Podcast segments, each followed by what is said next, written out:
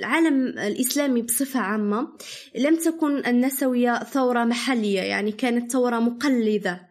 وبطبيعة الحال آه، الدول الضعيفة اقتصاديا وسياسيا وثقافيا هي تابعة هي دول تابعة تابعة للغرب المتحضر للحضارة الزائفة عند الغرب تابعة في أيديولوجيتها أفكارها. يعني حتى هناك مسح للهوية الإسلامية وهناك يعني غزو فكري غربي لدى المسلمين. نعم. ونحن للأسف العرب لدينا عقدة النقص. كل ما هو غربي فهو جميل.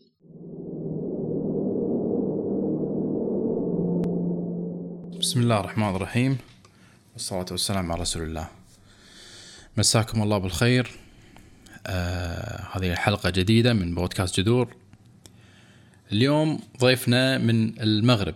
الأستاذة حفيظة الذهبي. السلام عليكم ورحمة الله أستاذة حفيظة. عليكم السلام ورحمة الله تعالى وبركاته.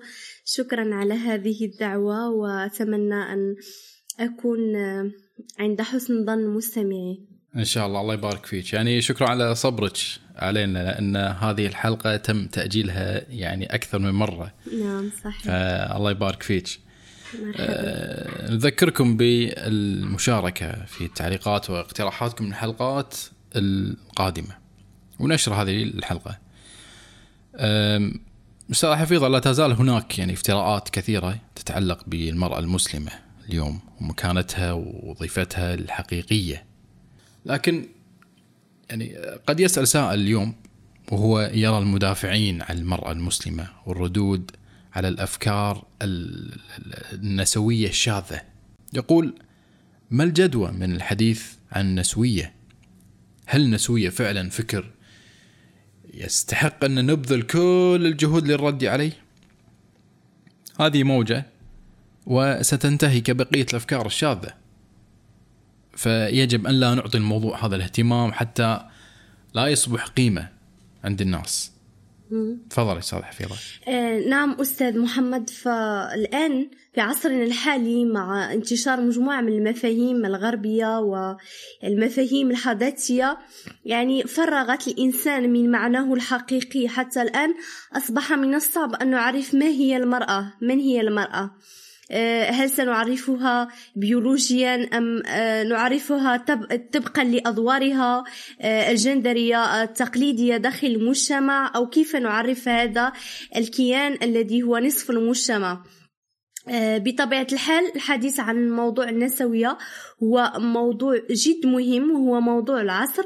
لماذا؟ لأنه مرتبط بمجموعة من الظواهر الخطيرة آه، التي هي من أسباب أو من نتائج النسوية آه، لا شك أنكم تعرفون أن الفكر النسوي لم يعد بريء وأصبح إيديولوجيا ولم يعد مجرد دفاع عن حقوق المرأة بل أصبح إيديولوجيا لها غايات وأهداف آه، في تدمير الأسرة والنتائج واضحة. يعني نسب نسب الإجهاض التي نراها نسب الطلاق نسب العزوف عن الزواج الانحلال الأخلاقي مجموعة من الظواهر التي تذق نقص الخطر على أن هذه هذا الموضوع يستحق أن نتداوله ويستحق أن ندرسه ويستحق أن آه، نعرف أين هو الخلل. صحيح صحيح. طيب إحنا يعني قبل طرح الشبهات والرد على الأفكار المنحرفة الناتجه عن النسوية واللي التي يعني تعتبر عوامل هدم للبيوت.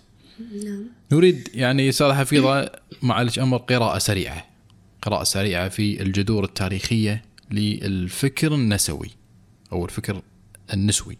نعم، اذا آه، النسوية هي ليست وليدة العصر يعني كان لها سياق تاريخي لظهورها آه، كانت هناك جذور والنسوية جاءت على مراحل متفرقة يعني ليست حركة حديثة وإنما ظهرت منذ بداية القرن السابع عشر وعفوا نهاية القرن السابع عشر وبداية القرن الثامن عشر في أوروبا يعني في العصور الوسطى ممتاز. آه، فكرة النسوية بدأت مع ظهور الثورة الصناعية. يعني آه، الموجة الأولى من النسوية كانت آه، تقريبا سنة 1902 عفوا 1792 وسبعون ميلادية أي في أواخر القرن السابع عشر وبداية القرن الثامن عشر في أوروبا.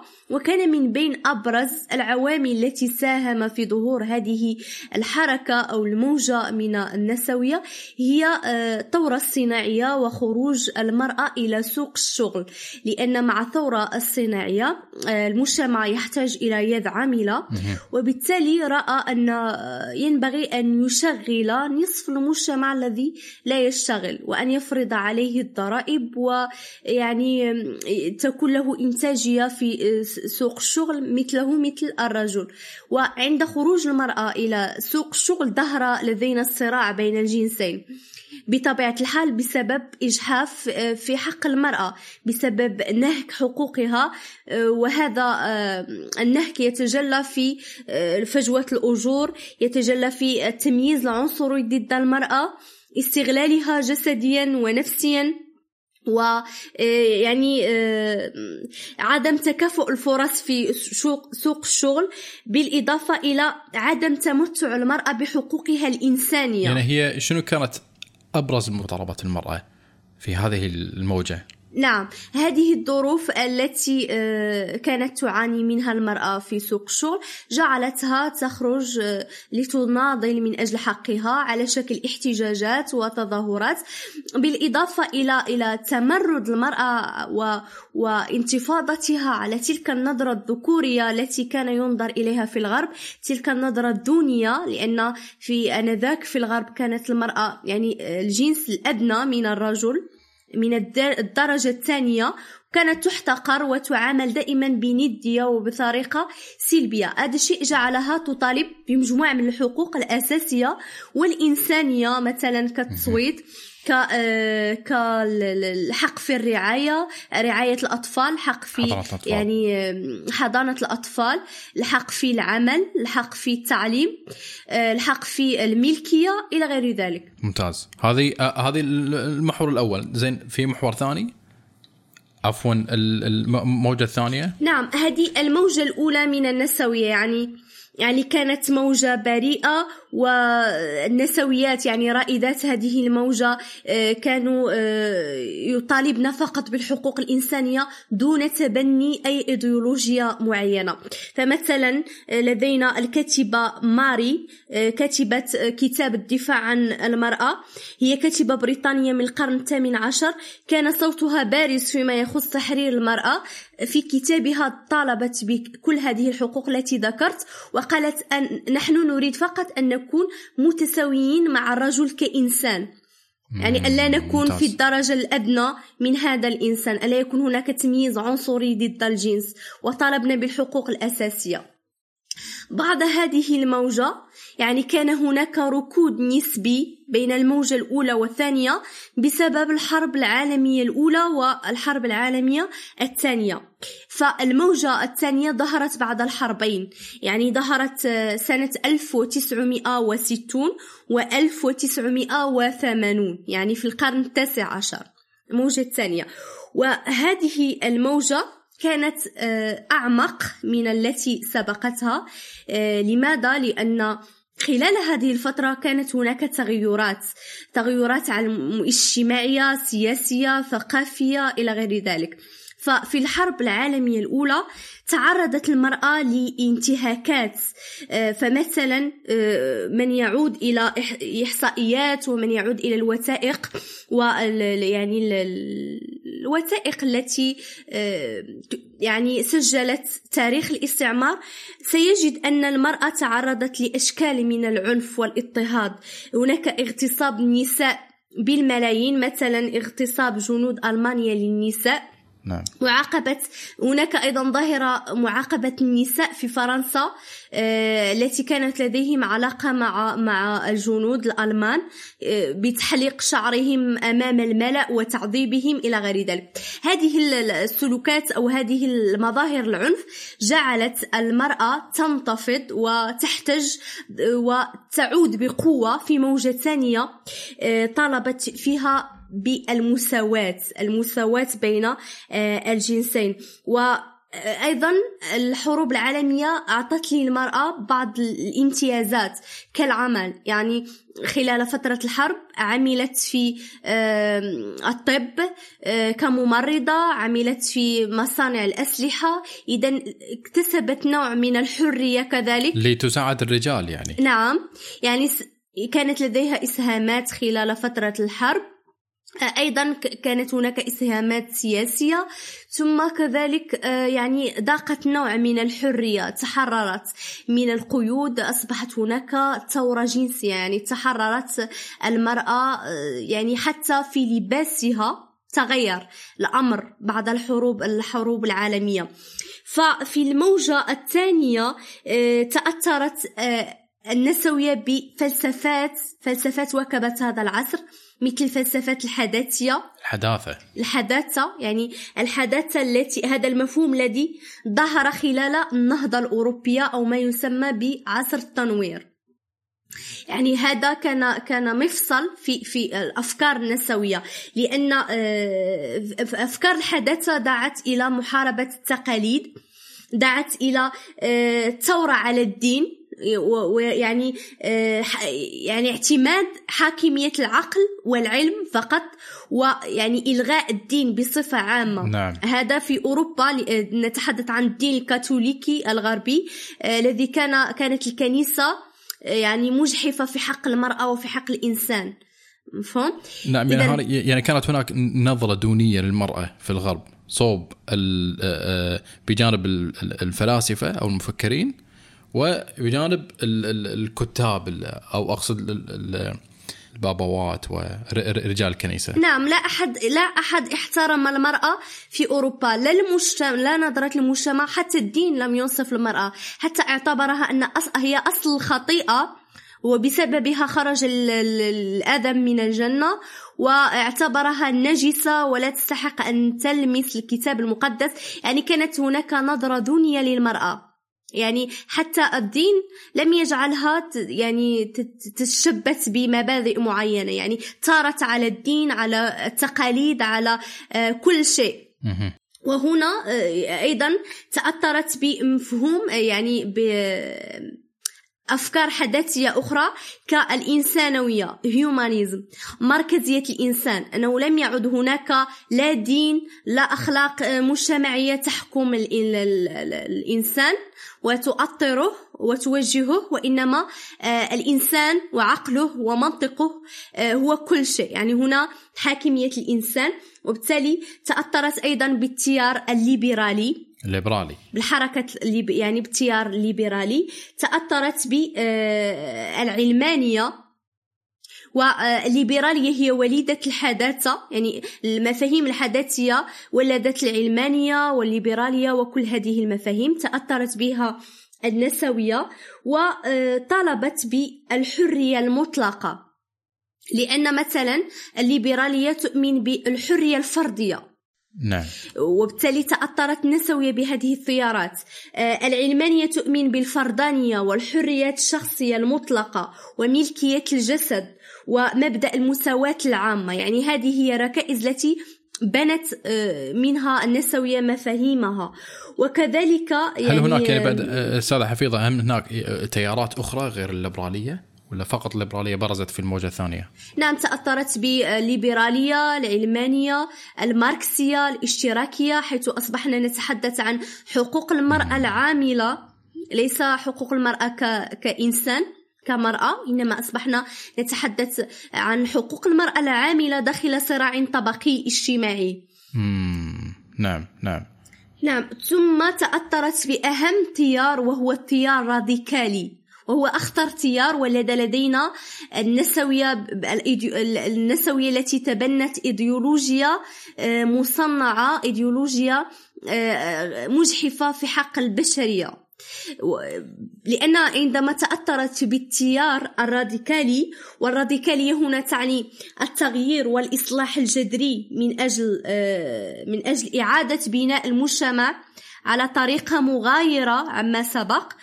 فبمجرد أن تأثرت بهذا التيار آه، بدأت النسوية الراديكالية تدعو إلى إسقاط النظام الأبوي باترياركا يعني يعني, يعني نفهم انه كان هناك ظلم آه، أبوي. كان الأبو هو اللي يظلم هو الذي يتسلط على المرأة. نعم هي بتاثرها بالتيار الراديكالي أرادت أن تثور على كل ما هو مرتبط بالرجولة وبالرجال وبالذكورة بصفة عامة.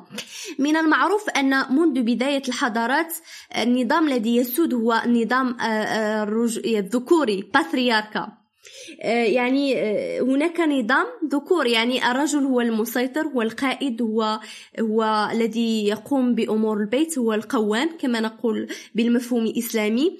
يعني هو مسير الأمور هو سائد القرارات إلى غير ذلك. هي رافضة لهذا الأمر وأرادت أن أن تكون للمرأة مركزية في الكون وأن تستبدل هذا النظام باترياركا الأبوي بالنظام الأمومي. أن تكون الأم هي الحاكمة وهي صاحبة القرار إلى غير ذلك.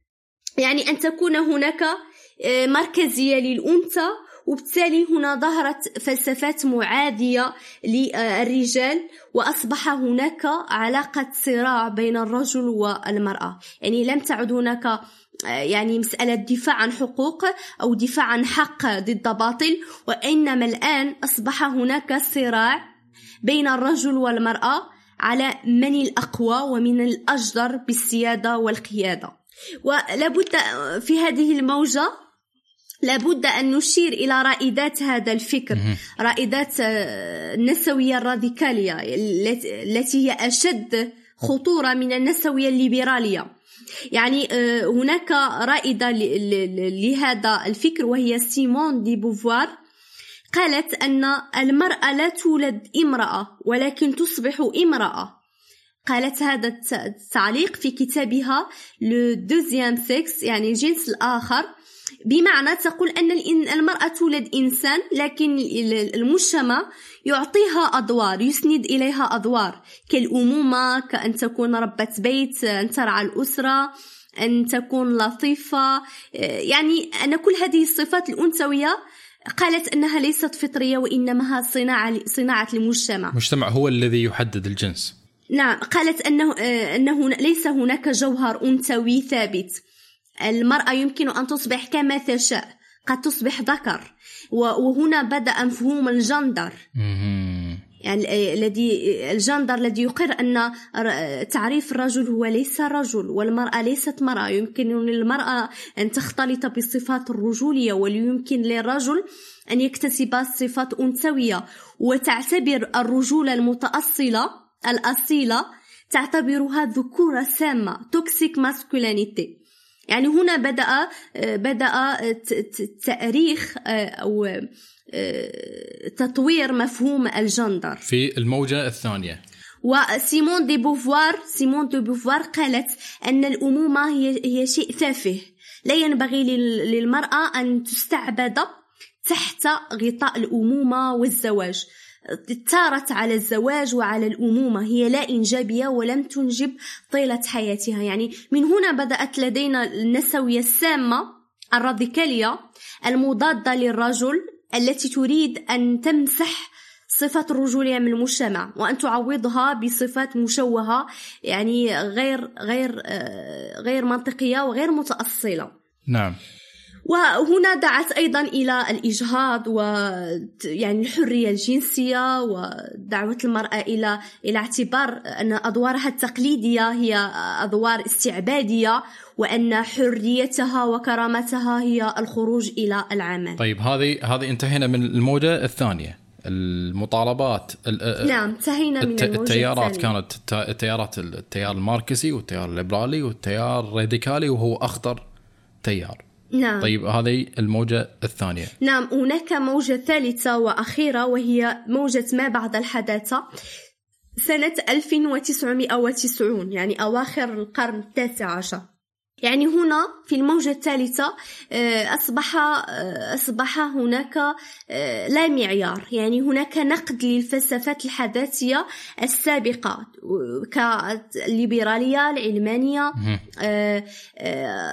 يعني الماركسية الاشتراكية الراديكالية كل هذه التيارات يعني الموجة الثالثة تريد التشكيك في كل شيء واعتبار أن كل شيء نسبي وهنا أصبحنا نتحدث عن إيديولوجية آه، النظام العالمي الجديد والإعلان عن سيولة كاملة من الأفكار حيث لا وجود لمرجع لا وجود لإطار يؤطر الإنسان.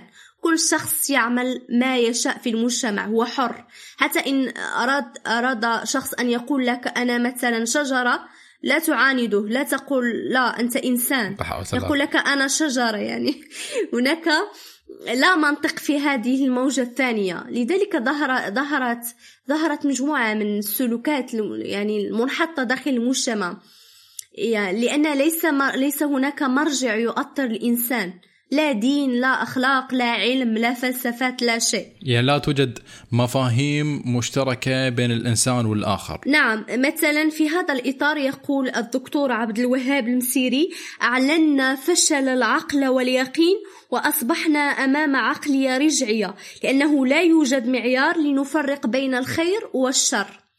يعني يمكن أن يقنعك متبني فلسفات ما بعد الحداثة أن أن الشر هو الخير وأن الخير شر. سيولة سيولة في المفاهيم. لا يوجد مفاهيم صلبة لا توجد. نعم كما الآن نشاهد في العالم. يعني مثلا آه، قد قد ينتزع طفل مسلم من أسرة بريئة ويعطى لرجلين شاذين متزوجين كي يربيانه بدعوى أن هؤلاء هم الأجدر بتربيته وأن هؤلاء يؤمنون بالحريات وبالأفكار آه، الحداثية. يعني هناك لا منطق نعم في نعم. هذه الموجة.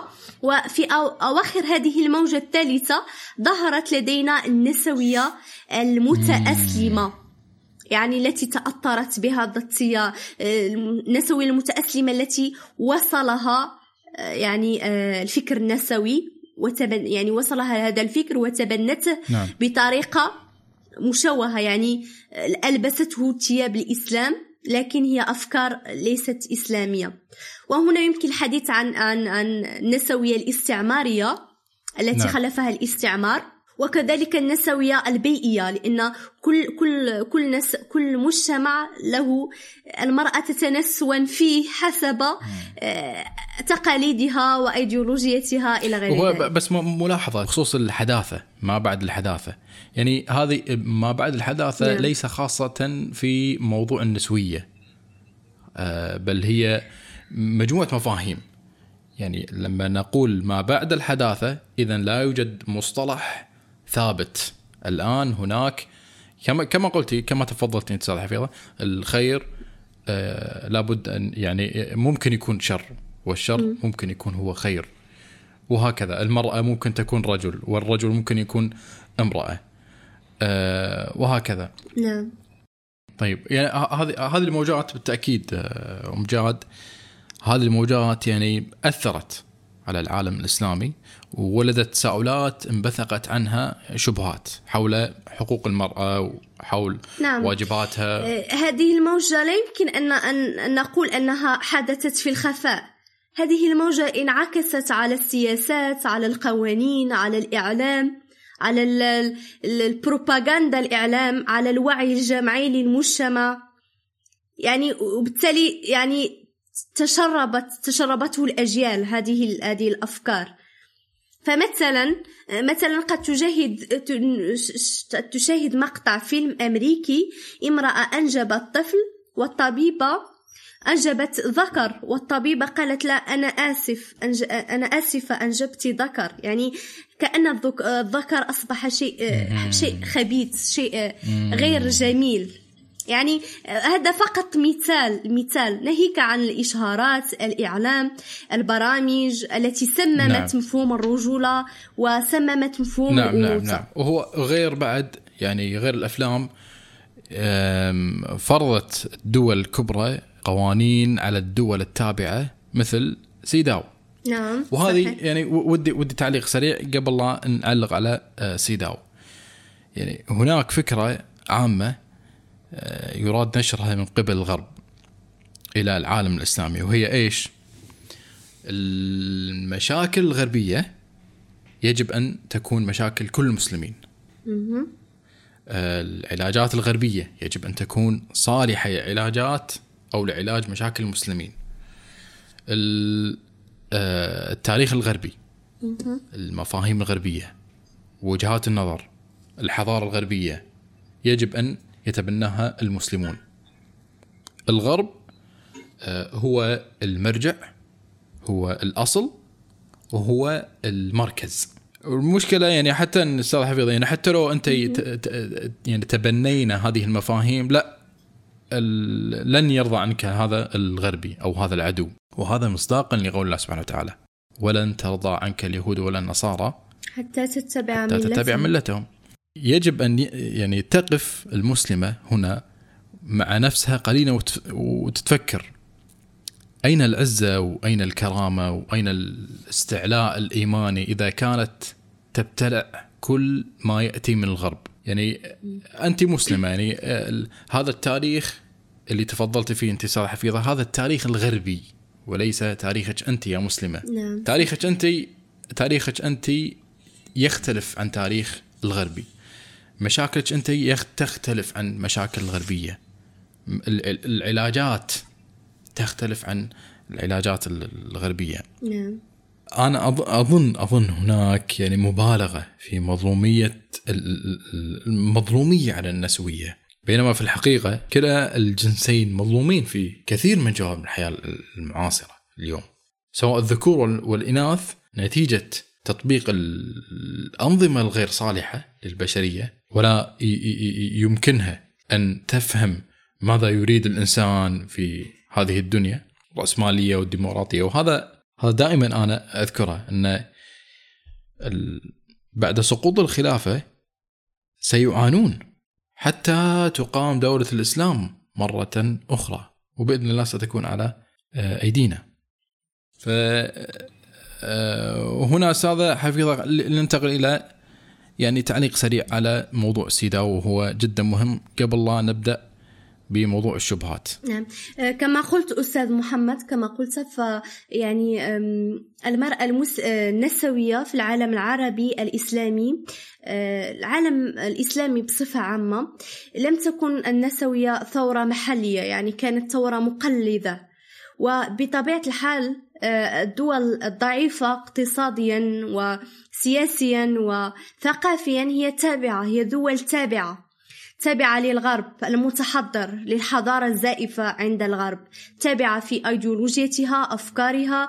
يعني حتى هناك مسح للهوية الإسلامية وهناك يعني غزو فكري غربي لدى المسلمين. نعم. ونحن للأسف العرب لدينا عقدة النقص كل ما هو غربي فهو جميل كل ما هو محلي فهو يعني غير غير غير آه، جميل وغير راقي إلى غير ذلك. نعم.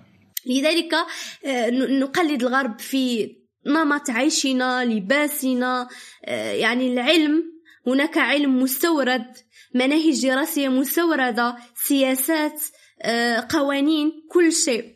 وسيداو خير مثال. ميثاق اتفاقية سيداو نعم. هي خير مثال لأن هذه منظومة غربية يعني اتفاقية سيداو هي مجموعة من من من القوانين والمبادئ التي تناسب الحضارة الغربية التي لا تهمها الأسرة بالدرجة الأولى.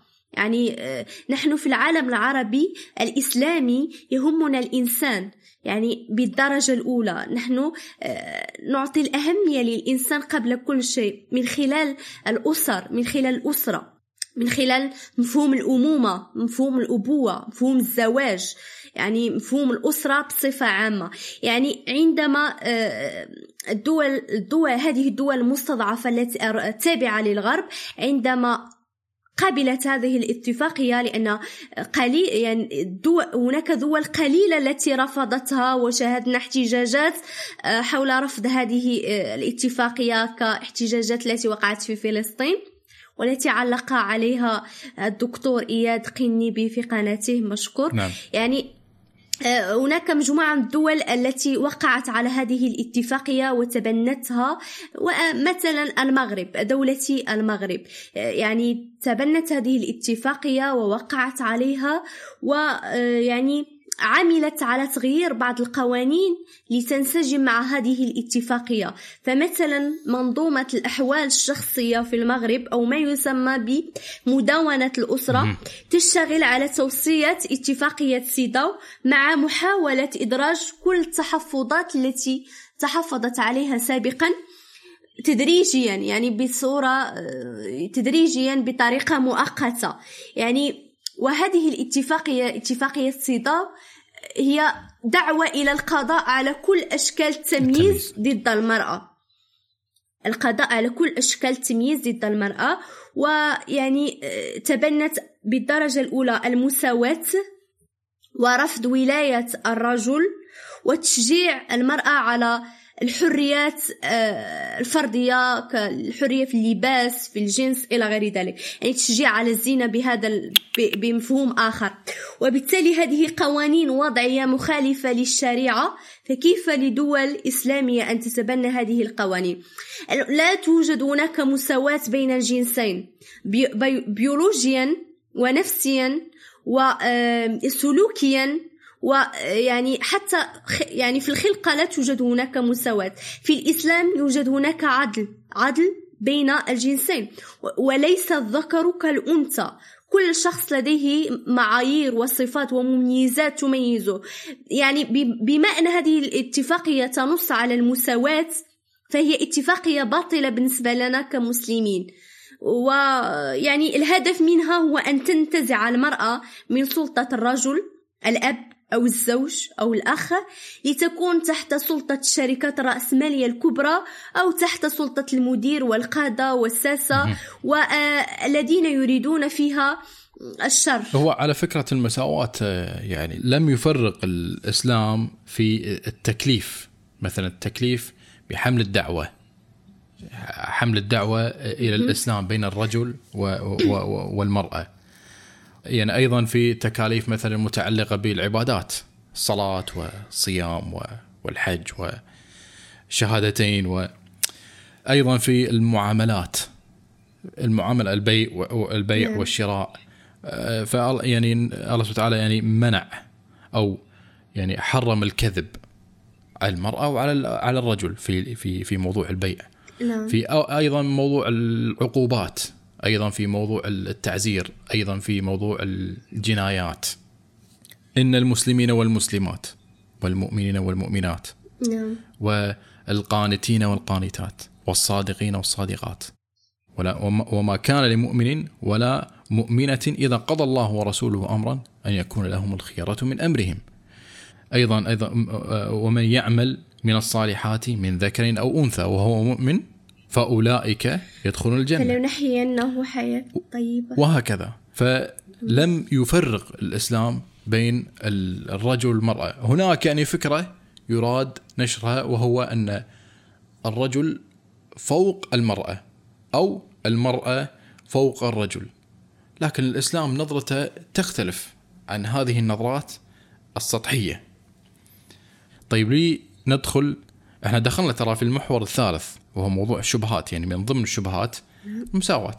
شبهة أخرى عمل المرأة عمل المرأة خارج البيت وداخل البيت. هل هو يعني مذلة أم نجاح؟ هل من الممكن يعني مثلا تكون المرأة أما خارقة نعم. وموظفة خارقة؟ نعم. آه، أولا آه، يعني لا وجود لمرأة عاملة خارقة أو امرأة ربة بيت خارقة هناك حدود طاقية عند الإنسان كل شخص يعمل على حسب قدرته البدنية والنفسية وظروف حياته. والأهم أن تحاول المرأة أن تكون امرأة تتصف بمزاياها الأنثوية تتصف بسماتها الأنثوية التي جبلها عليها الله من أمومة ورعاية وعطف وحنان وتوفير جو الإنتاجية للأسرة إلى غير ذلك.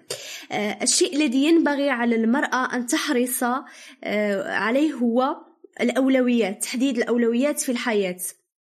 لا يكون العمل على حساب الأسرة والأمومة وألا يكون تحقيق الذات على حساب تحقيق الذات الحقيقية. يعني لأن كل ما من لدي كل مرأة لديها أحلام خارج فطرتها تلك الأحلام لا يمكن أن تغطي عن عن تلك تلك الفطرة.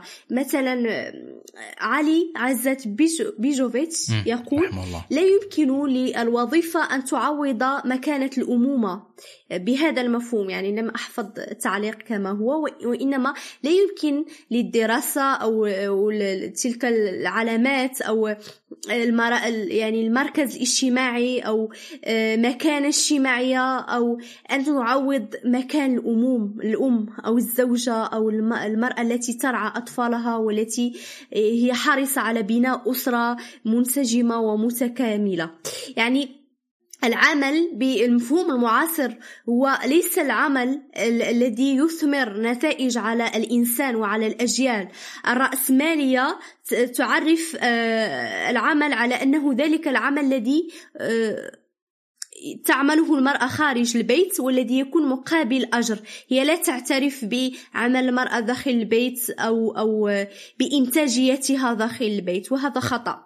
لكن و... يعني أنت أنت تقولين الصحفي يعني هل عمل المرأة الأصل أن تكون داخل البيت أم خارج البيت أم أنت قول أنت قلتي أولوية يعني هل تقولين أن الأصل عمل المرأة داخل البيت؟ أه النسويه الراديكاليه دعت إلى إلى تحرير المرأة من أدوار تقليدية حيث اعتبرتها عبودية والخروج إلى العمل الذي فيه تحقيق الذات الزائفه وهذه نظرة مادية نحن المسلمون لا نعيش بهذه النظرة المادية النفعية. نحن نعيش آه، بقيمنا الإنسانية التي نعطي فيها المركزية للإنسان. الأنثى ينبغي أن تعطي الأولوية لدورها كزوجة بعد ذلك كأم. بعد ذلك يمكنها أن تضيف العمل كشيء آه، ليس من الضروريات كشيء ثانوي إضافي على الأدوار الأساسية التي هي العبادة آه، يعني حق النفس عليها ثم حق المحيط الزوج والأبناء أن توفر لهم جو الإنتاجية ولأن يعني آه، نظافة البيت توفير بيئة جيدة تهيئ طعام صحي للأطفال آه، تربيتهم على القيم هذا كله يؤهل لنا بناء إنسان. مفهوم؟ يعني بعد أن أن تقوم بأدوارها الأساسية التي فيها تحقيق ذات حقيقية لأنها تؤهل ذوات أخرى إلى المجتمع ذوات متوازنة سوية نفسيا. بعد ذلك يمكنها أن تعمل خارج البيت ك كدور إضافي مكمل لما تقوم به داخل البيت. يعني ليس الأصل هو العمل خارج البيت. للأسف الآن ينظر إلى المرأة آه، ربة البيت بنظرة دونية. مثلا نحن عندنا في المغرب عندما تسأل امرأة آه، تعمل فقط داخل البيت ربة بيت ماذا تعملين؟ تقول لك لا شيء والله أنا غير جالسة في الدار. يعني أنا فقط جالسة في البيت جالسة في البيت لا أعمل شيء. وهذا جزء من من من من الأفكار السامة التي اكتسبتها من الإعلام والإشهار ومن التعليم يعني البرامج دراسة البرامج تعليمية إلى غير ذلك. لأن آه، العمل مهنة الأمومة هي هي هي في تشمل جميع المهن. رعاية الأطفال آه، توفير لهم جو من الإنتاجية للزوج هذا عمل لا يقل أهمية عن العمل خارج البيت. العمل خارج البيت يكون للمرأة التي تحتاج فعلا هذا العمل. الأرامل المطلقات آه، النساء التي لواتي لديه لديهن فراغ يعني آه، ليس لديهم أطفال أو مثلا هي متفرغة لهذا العمل. على فكرة ما أريد أن أقول هو لا ينبغي للعمل أن يكون على حساب الأسرة. لأن الآن هناك بعض النساء هي تستعد مستعدة أن تطلق إذا رفض الزوج عملها. هي مستعدة أن ترمي الأطفال في الحضانات وفي ظروف قاسية تسافر آه، تنتقل إلى بيت آخر تتخلى عن أطفالها عند حماتها أو أمها آه، تجعل لهم مربية من أجل العمل. أنا في نظري كل شخص حر في قناعاته واختياراته بطبيعة الحال. أنا لا أقول أن هذا هو الصواب. أنا أقول نظرتي أنا للعمل.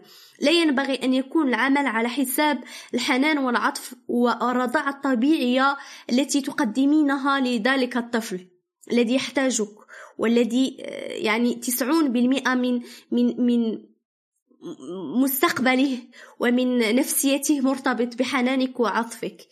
يعني لا ينبغي أن يكون هذا العمل هاجس ويعني نقدسه على حساب كل الأشياء الأساسية في حياتنا على حساب العبادات على حساب الأسرة. يعني العمل في عصرنا الحالي هو صراع بين نداء الغريزة وفطرة الأمومة والرعاية من جهة وبين نزاع الاستقلالية والإعتماد عن الذات وتحقيق الذات.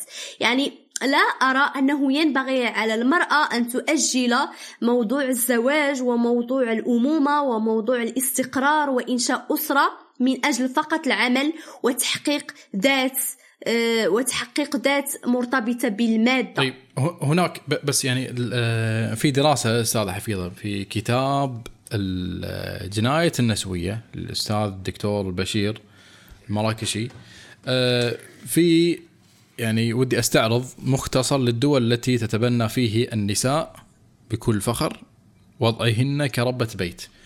يعني مثلا نشوف الصين. الصين نعم. آه بحسب موقع مجلة يومية الشعب آه نحو 2000 أسرة صينية هذا في يناير 2003 أكثر من 60% من النساء المأجورات يتمنين أن يكن ربات بيوت بشكل كامل. هذا الصين. اليابان بحسب صحيفة جابان تايمز آه هذا في عام 2012 بأن 51% من الأشخاص المستجوبين يتمنون أن تبقى النساء في المنزل. نعم. شوفي النمسة النمسة أن 60% من الشابات المستجوبات يرين أن الزواج مهم جدا ثم تقول آه، الشابات النمساويات يحلمن بالرجوع إلى المطبخ. إلى المطبخ. نعم. الولايات المتحدة أظهرت دراسة المجلة الأمريكية فوربس فوربس أن 84% من النساء العاملات و66% من ربات البيوت متفقات على أن التخلي عن الحياة المهنية من أجل تربية الأطفال نوع من الرفاهية المادية. آخر شيء فرنسا. تتعجب مجلة ماري كلير عام 2008 من تنامي عدد ربات البيوت في فرنسا. ثم تقول وبعد أربعين سنة من نشر الجنس الثاني كتاب الجنس الثاني لسيمون دوبوفوار فإن محاميات ومهندسات ونساء من الأطر العليا نعم. يطردن المربية ويفضلن أن يرضعن أطفالهن بأنفسهن ويحضرن أطباقا شهية لأزواجهن. هذا من كتاب جناية النسوية. أنا أنصح الناس يعني يقرون هذا الكتاب. طيب المشكلة المشكلة أن الرسالة النسوية اليوم للمرأة تقول الأصل المرأة لابد أن تخرج من بيتها لكي تعمل وإلا ستكون رجعية. نعم صحيح. الأصل المرأة هي خارج البيت. نعم. حتى الثقافة المجتمعية يعني حتى حتى الآن البيوت التقليدية في المغرب يعني الطبقة المتوسطة يعني الغير الطبقة الفقيرة التي يعني متدينية ثقافيا أيضا لديهم هذه الأفكار السامة لأنها تبرمج تبرمجوا على هذه الأفكار من خلال الإعلام. من خلال الإعلام اليساري الذي يخدم الدين اليساري والدين آه، النسوي في نظرهم. مثلا لدينا في المغرب دائما ينصحون المرأة بالعمل كخطة ب يعني كبلون ب نعم. آه، عوض الزواج. مثلا يقولون للمرأة آه، خاصك تخدمي باش في حالة مثلا طلقتي أو في حالة طلاقك أو مثلا في حالة زوجك يريد أن يسيطر عليك أن يعني أن تتخلي عن كل هذه آه، الأشياء زواج وأطفال وكل شيء وتعودي لعملك وهو كأنه هو السند. آه، العمل بالمنظور النسوي أصبح هو السند عوض الزوج عوض الأطفال عوض الأبناء. هذه الدريهمات القليلة التي لا تكاد تكفي آه، مواد تبرج المرأة وعمليات تجميل و يعني المواصلات وكل هذه الأشياء المادية لأن المرأة النسوية دائما هي تستهلك استهلاكا تفاخريا. وتعيش بطريقة مادية لأن مادام تشبعت بهذه الأفكار إلا وهي إنسانة فارغة روحيا وتحاول أن تعوض هذا الفراغ بعمليات تجميل مستحضرات لباس يعني أشياء أتات استهلاك تفاخري. يعني دائما المرأة التي يعني تجعل العمل أحسن من من الزواج والأطفال وكل هذه الأشياء تجدها يعني خرجت من من العبوديه الجاهلية في نظرها عبوديه المنزل والزوج إلى عبوديه المصانع والعمل وعبوديه الاستعباد المادي والجنسي من عبودية إلى عبودية.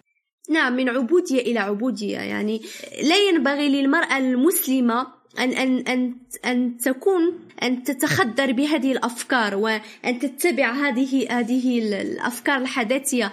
لأن الآن في الغرب كما قدمت هذه الإحصائيات في الصين واليابان وفي أمريكا الآن المرأة أصبحت تستفيق من هذا الوهم وهم النسوية التي لم تقدم لها إلا التعاسة لأن في محور آخر إن شاء الله سنتحدث عن هل قدمت النسوية شيء للمرأة. هل أسعدتها؟ إن شاء الله. هل فعلا حررتها؟ نعم. إن شاء الله. وسنبين مدى التعاسة التي وصلت إليها المرأة بسبب بسبب خروجها عن عن الفطرة السليمة وتشبتها بالرجل وصراعها مع الرجل من أجل العمل ومن أجل آه، المال. يعني العمل خارج البيت هذا ليس مكان المرأة الأصلي والحقيقي. هذا قد يكون نحن لسنا ضد العمل بطبيعة الحال ولكن سيكون شيء إضافي على الأدوار الحقيقية التي تقدمها كما قلت. هو مثلا نعم هو هو هو المشكلة نعم. كما قلنا اليوم العمل هو الأصل. عمل المرأة خارج البيت هو الأصل بينما أن نقول أن المرأة ربة بيت وليست يعني عملها خارج البيت. وإذا يعني أم جاد من يربي الأبناء؟ من يعني من يعلمهم نعم. غير المرأة للأسف هذا هو غاية لماذا النسوية تدعم تدعم من طرف النظام والأجندة. النظام العالمي كله يدعم النسوية. لماذا؟ لأن بخروج المرأة إلى سوق العمل يعني تفرض عليها الضرائب. هذا من جهة تصبح إنسان مستهلك وتضخم آه، آه، جيوب شركات الرأسمالية الكبرى من جهة ومن جهة أخرى. تجعل أطفالها في يد في يد آه، الحضانات وفي في يد المؤسسات مؤسسات الدولية التي تغسل دماغ هؤلاء الأطفال وتربيهم على طريقتهم الخاصة وتنشر لهم تنشر في عقولهم القيم آه، الليبرالية والقيم اليسارية التي الذين يعني القيم التي يسعون إلى آه، ترويجها في لدى نعم, نعم، الأطفال نعم نعم. لذلك يعني إحنا يعني نهاجم النسويه لماذا؟ لمجموعة نقاط مثلا إنقاذ المرأة المسلمة من الانحرافات. اثنين إنقاذ حياة الأجنة من الاجهاض. آه، ثلاثة استمرار الحياة الزوجية. آه، مثلا الحفاظ على آه، سلامة الأبناء من كذلك لا لا تنسى الشذوذ أيضا النسوي عندما تقصي الرجل فما البديل؟ عندما تحتقرين الرجل وتعتبرينه كائن آه، إضافي في المجتمع ليس له دور وغير مهم فما البديل؟ هو نشر السحاق والمثلية الجنسية وزواج المرأة بالمرأة واعتمادها على ذاتها إلى غير ذلك. نعم نعم نعم. الله يبارك فيك أستاذة حفيظة. إذا ما كان عندك تعليق أستاذة حفيظة ننتهي من هذه الحلقة. نعم آه، الكلام كثير في النسوية في موضوع النسوية. لا يمكنني أن أحص أن أحصره نعم. في تعليق. يعني آه، ما خلاصة ما أريد أن أقول من خلال العمل لا ينبغي أن يكون هذا العمل سلاح سلاح ضد الرجل نضرب به الرجل أو هو خطة ب أثناء فشل الزواج. دائما أقوم ب لا أعطي ما لدي في هذه العلاقة لا أعطي أقصى جهدي دائما أنتظر الخطأ من هذا الرجل حتى أستند إلى العمل. أنا لا أتهم المرأة العاملة بالنقص. يعني هناك كل امرأة و, و يعني أهم مسؤوليتها وكيف تنظر إلى الأمور. فقط أقول أن لا ينبغي لهذا العمل أن يكون هاجس وأن يكون مثلا أعبد وكأنه صنم أعبده وأن يكون هو كل شيء على حساب الأولويات في حياتي.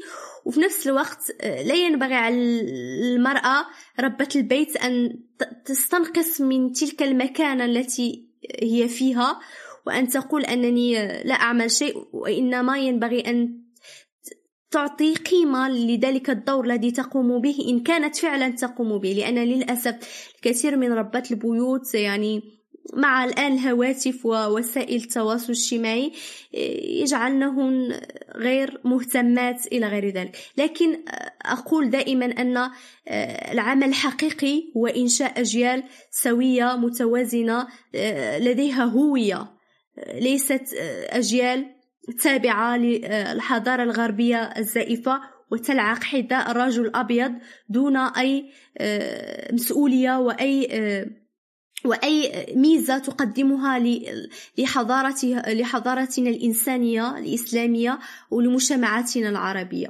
نعم. وشكرا. الله يبارك فيك. الله يعطيك العافية أستاذ حفيظة. السلام عليكم ورحمة الله وبركاته.